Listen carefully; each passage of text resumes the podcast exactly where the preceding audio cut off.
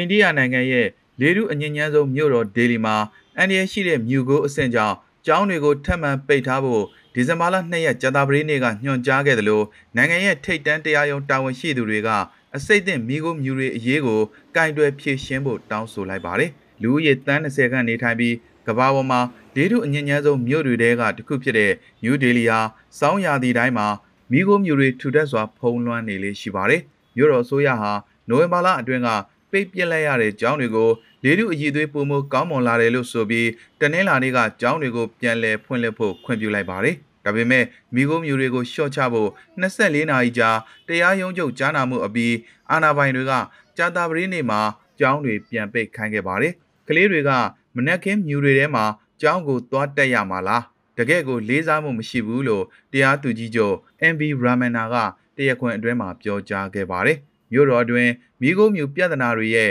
အဓိကအကြောင်းရင်းဖြစ်တဲ့မော်တော်ယာဉ်တွေရဲ့ထုတ်လုပ်မှုနဲ့စက်မှုလုပ်ငန်းတွေရဲ့လေထုညဉ့်ညမ်းစေမှုတွေကိုတားဆီးဖို့တရားရုံးချုပ်ကအစိုးရကိုတောင်းဆိုခဲ့ပါတယ်။ New Delhi ရဲ့ PM 2.5အဆင့်ဟာနာရာရှည်အဆုတ်ယောဂါနဲ့နှလုံးယောဂါတွေအတွက်အန်ဒီရဲ့အရှိဆုံးအမုံမွားအဆင့်အဖြစ်တစ်ကုဘမီတာမှာ215မိုက်ခရိုဂရမ်ဝန်းကျင်ရှိကြောင်းစောင့်ကြည့်ရေးအဖွဲ့ IQA ရဲ့အဆိုအရသိရှိရပါတယ်။အဆိုပါကင်းကနန်းဟာ ကမ္ဘာ့ကျန်းမာရေးအဖွဲ့ကအကြံပြုထားတဲ့နေ့စဉ်အများဆုံးရှိတဲ့ပမာဏထက်14ဆပိုများပါတယ်။ပြီးခဲ့တဲ့လအတွင်းဒေလီမှာမြို့တော်ရဲ့လေထုအကြီးအသွေးဆိုးရွားလာတာကြောင့်စောက်လုပ်ရေးလုပ်ငန်းအများစုကိုရပ်ဆိုင်းခဲ့ပြီးအစိုးရဝန်ထမ်းတွေကိုအိမ်မှာအလုပ်လုပ်ခိုင်းခဲ့ပါတယ်။ပြီးခဲ့တဲ့နှစ်အစည်းအဝေးစာတစ်ခုရဲ့အဆိုအရ2019ခုနှစ်အတွင်းဒေလီမှာလေထုညဉ့်ညမ်းမှုကြောင့်လူပေါင်း18500နီးပါးသေဆုံးခဲ့ရတယ်လို့ဆိုပါတယ်။ IQA ရဲ့အစည်းအဝေးစာမှာတော့ ကမ္ဘာလေထုညဉ့်ညမ်းမှုအဆိုးဆုံးမြို့30မှာ22မြို့ကအိန္ဒိယနိုင်ငံကဖြစ်တယ်လို့ဆိုပါတယ်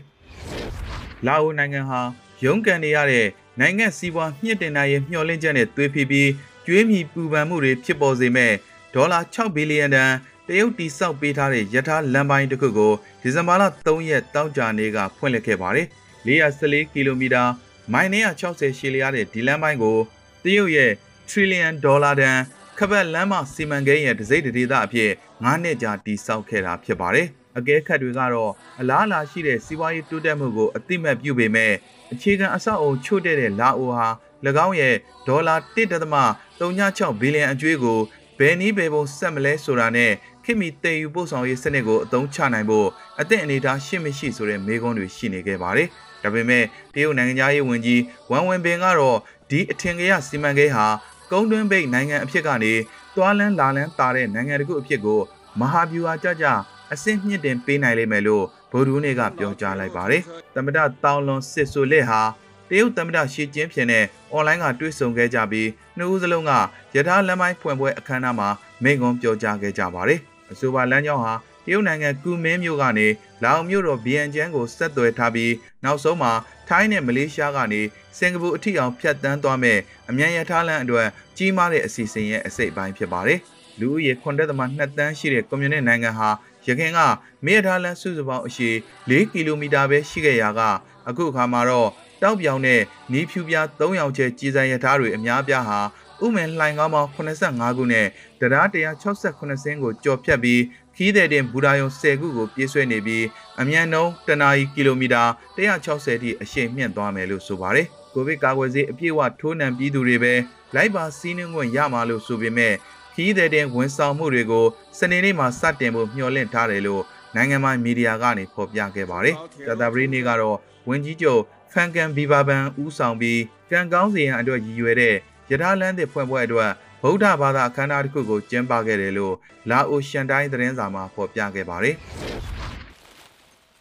ခွေးလေခွေးလွင်တွေနဲ့အပုပ်စားငှက်တွေအတွက်တော့ယူကရိန်းမြို့တော်ကီးရဲ့အပြင်ဘက်ရှိမိုက်ပေါ်အမှတ်9ကရတနာတိုက်တစ်ခုဖြစ်ပေမဲ့ပြည့်ရှံနေတဲ့အမိုက်တွေနဲ့အစိတ်သင့်စွန့်ပစ်ပစ္စည်းတွေကဒေသခံတွေကိုဒုက္ခပေးနေပါတယ်။အနီးအနားကပေကာစီရွာမှာနေထိုင်သူအသက်83နှစ်အရွယ်အငိမ့်စားစင်းငိုင်တူဖြစ်တဲ့နီနာပေါ်ပိုဘာကတော့ လူတွေအတွက်နေရတာတိတ်အဆင်မပြေဘူးလို့ဆိုပါတယ်။ချင်းချောက်မှုတစ်ခုပဲဒီရွာမှာတော်တော်များများကျန်းမာရေးထိခိုက်နေကြတယ်။နှလုံးရောဂါနဲ့အသက်ရှူရခက်တဲ့ပြဿနာတွေရှိနေတယ်လို့သူမရဲ့ခက်ကုတ်ကုတ်အုတ်အင်္ဂလိပ်ရဲ့အပြင်မှာ AFP ကိုပြောပြခဲ့ပါတယ်။ area 63ဟက်တာရှိတဲ့ KM မြို့အပြင်ဘက်ကကျယ်ပြောလာတဲ့အမိုက်ပုံနေရာဟာအလားတူအမိုက်စွန့်ပြရာနေရာပေါင်း6100ကျော်ရှိတဲ့ယူကရိန်းမှာအကြီးဆုံးအမိုက်ပုံတစ်ခုဖြစ်ပါတယ်။ အမိုက်တွေပြည့်ရှံနေပြီဖြစ်တဲ့ဒီအမိုက်ပုံကိုပိတ်သိမ်းပြီးနေရာသစ်တစ်ခုမှာလွှဲပြောင်းဆွန့်ပစ်ဖို့အတွက်2018ခုနှစ်ကစီစဉ်ခဲ့ပေမဲ့အကောင့်ထဲမပေါ်ခဲ့တာကြောင့်အမိုက်တွေစိုးစိုးဝါးဝါ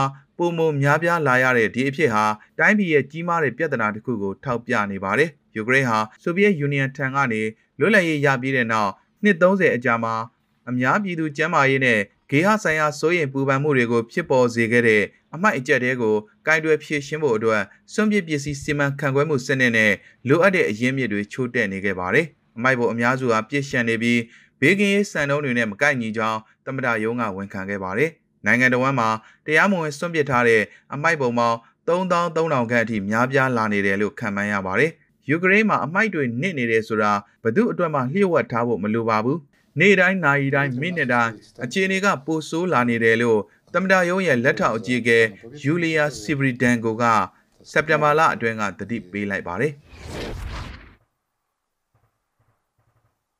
ယူကရိန်းနဲ့ရုရှားအကြားတင်းမာမှုတွေမြင့်တက်လာနေချိန်မှာပဲဒွန်နက်စ်ဒေသရှေ့တန်းစစ်မြေပြင်ရောက်စစ်သည်တွေကတော့ရုရှားဘက်ကကျူးကျော်စစ်ဆင်လာရင်တွန်းလှန်တိုက်ခိုက်ဖို့အဆင်သင့်ပဲလို့ပြောဆိုလိုက်ပါတယ်။ ယူကရိန်းနယ်စပ်တွေမှာရုရှားရဲ့စစ်အင်အားတိုးချဲ့လာနေပြီးအလုံးအင်းနဲ့တိုက်ခိုက်မှုတွေလှုပ်လာနိုင်တယ်လို့ကီယက်အစိုးရကတောက်ကြနေမှာတနိုင်ငံလုံးကိုတက်လှမ်းခဲ့ပါတယ်။ရုရှားဟာ2014ခုနှစ်ကယူကရိန်းပိုင်ခရိုင်းမီးယားဒေသကိုသိမ်းပိုက်ခဲ့ပြီးချိန်ကစလို့ယူကရိန်းအရှေ့ပိုင်းကခွဲထွက်ရေးသမားတွေကိုကြောတောင်နောက်ခံပြုပေးခဲ့ပါတယ်။ဒီစစ်ပွဲအတွင်းလူ13000ကျော်သေဆုံးခဲ့ပြီးဒီတိုက်ခိုက်မှုကိုစနစ်တကျပြင်ဆင်ခဲ့တယ်ဆိုတဲ့ဆွဆွဲချက်ကိုရုရှားကညှင်းဆိုခဲ့ပါတယ်။ January လကုန်ပိုင်းမှာစီးရေးအရှိန်မြင့်တင်ဖို့အစဉ်သင့်ဖြစ်နေလောက်ပြီလို့ခန့်မှန်းရကြောင်းယူကရိန်းကာကွယ်ရေးဝန်ကြီး Oleksiy Reznikov ကပြောပါတယ်။ယူကရိန်းထောက်လှမ်းရေးအဖွဲ့ကဖြစ်လာနိုင်ခြေတွေကိုတရုတ်ခွဲလေ့လာနေတယ်လို့ပါလီမန်မိန်ကောမှာသူကထည့်သွင်းပြောကြားခဲ့ပါတယ် ရုရှားမှာ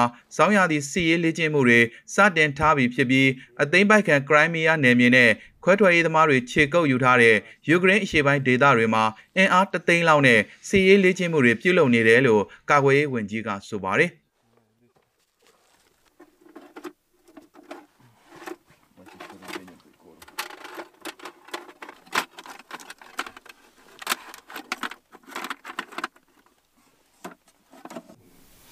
По нам спочатку почав працювати 82-й міномет.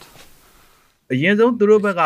82 caliber mortar နဲ့ကျွန်တော်တို့ကိုစထုတယ်12ချက်လောက်ရှိမယ်ဒါနဲ့ကျွန်တော်တို့ကဆက်လက်ကြီးနဲ့ပြန်ပစ်တယ်သူတို့က automatic ဘုံပစ်လောက်ချာနဲ့ပြန်ထုတယ်တော်တော်ကြာတဲ့ထီပဲလို့အသက်24နှစ်အရွယ်ယူကရိန်းစစ်သည်ရက်ပြန်ကဆိုပါတယ်ကျွန်တော်တို့ကတော့သူတို့ကိုပြန်ချဖို့အဆင်သင့်ပဲပြန်ချရမှာပဲဒါကျွန်တော်တို့အလုပ်ပဲလေဒါကျွန်တော်တို့ရဲ့မြေ အစုံတိုင်ကာကွယ်သွားရမှာပဲလို့သူကဆိုပါတယ်ကျွန်တော်တို့နိုင်ငံနယ်စပ်အနီးမှာစစ်အင်အားတိုးချဲ့တိစောက်နေတာအတော်ကြာပြီ2014ခုနှစ်လောက်ကတည်းကပုံမှန်တိုးချဲ့လာလိုက်ပြန်ဆုတ်သွားလိုက်လုပ်နေတာလေသူတို့ကအင်အားကြီးတယ်အချိန်မရွေးထိုးစစ်ဆင်နိုင်တယ်ဆိုတာပြကျင်နေတာထင်ပါတယ်လို့သူကဆက်ပြောပါတယ်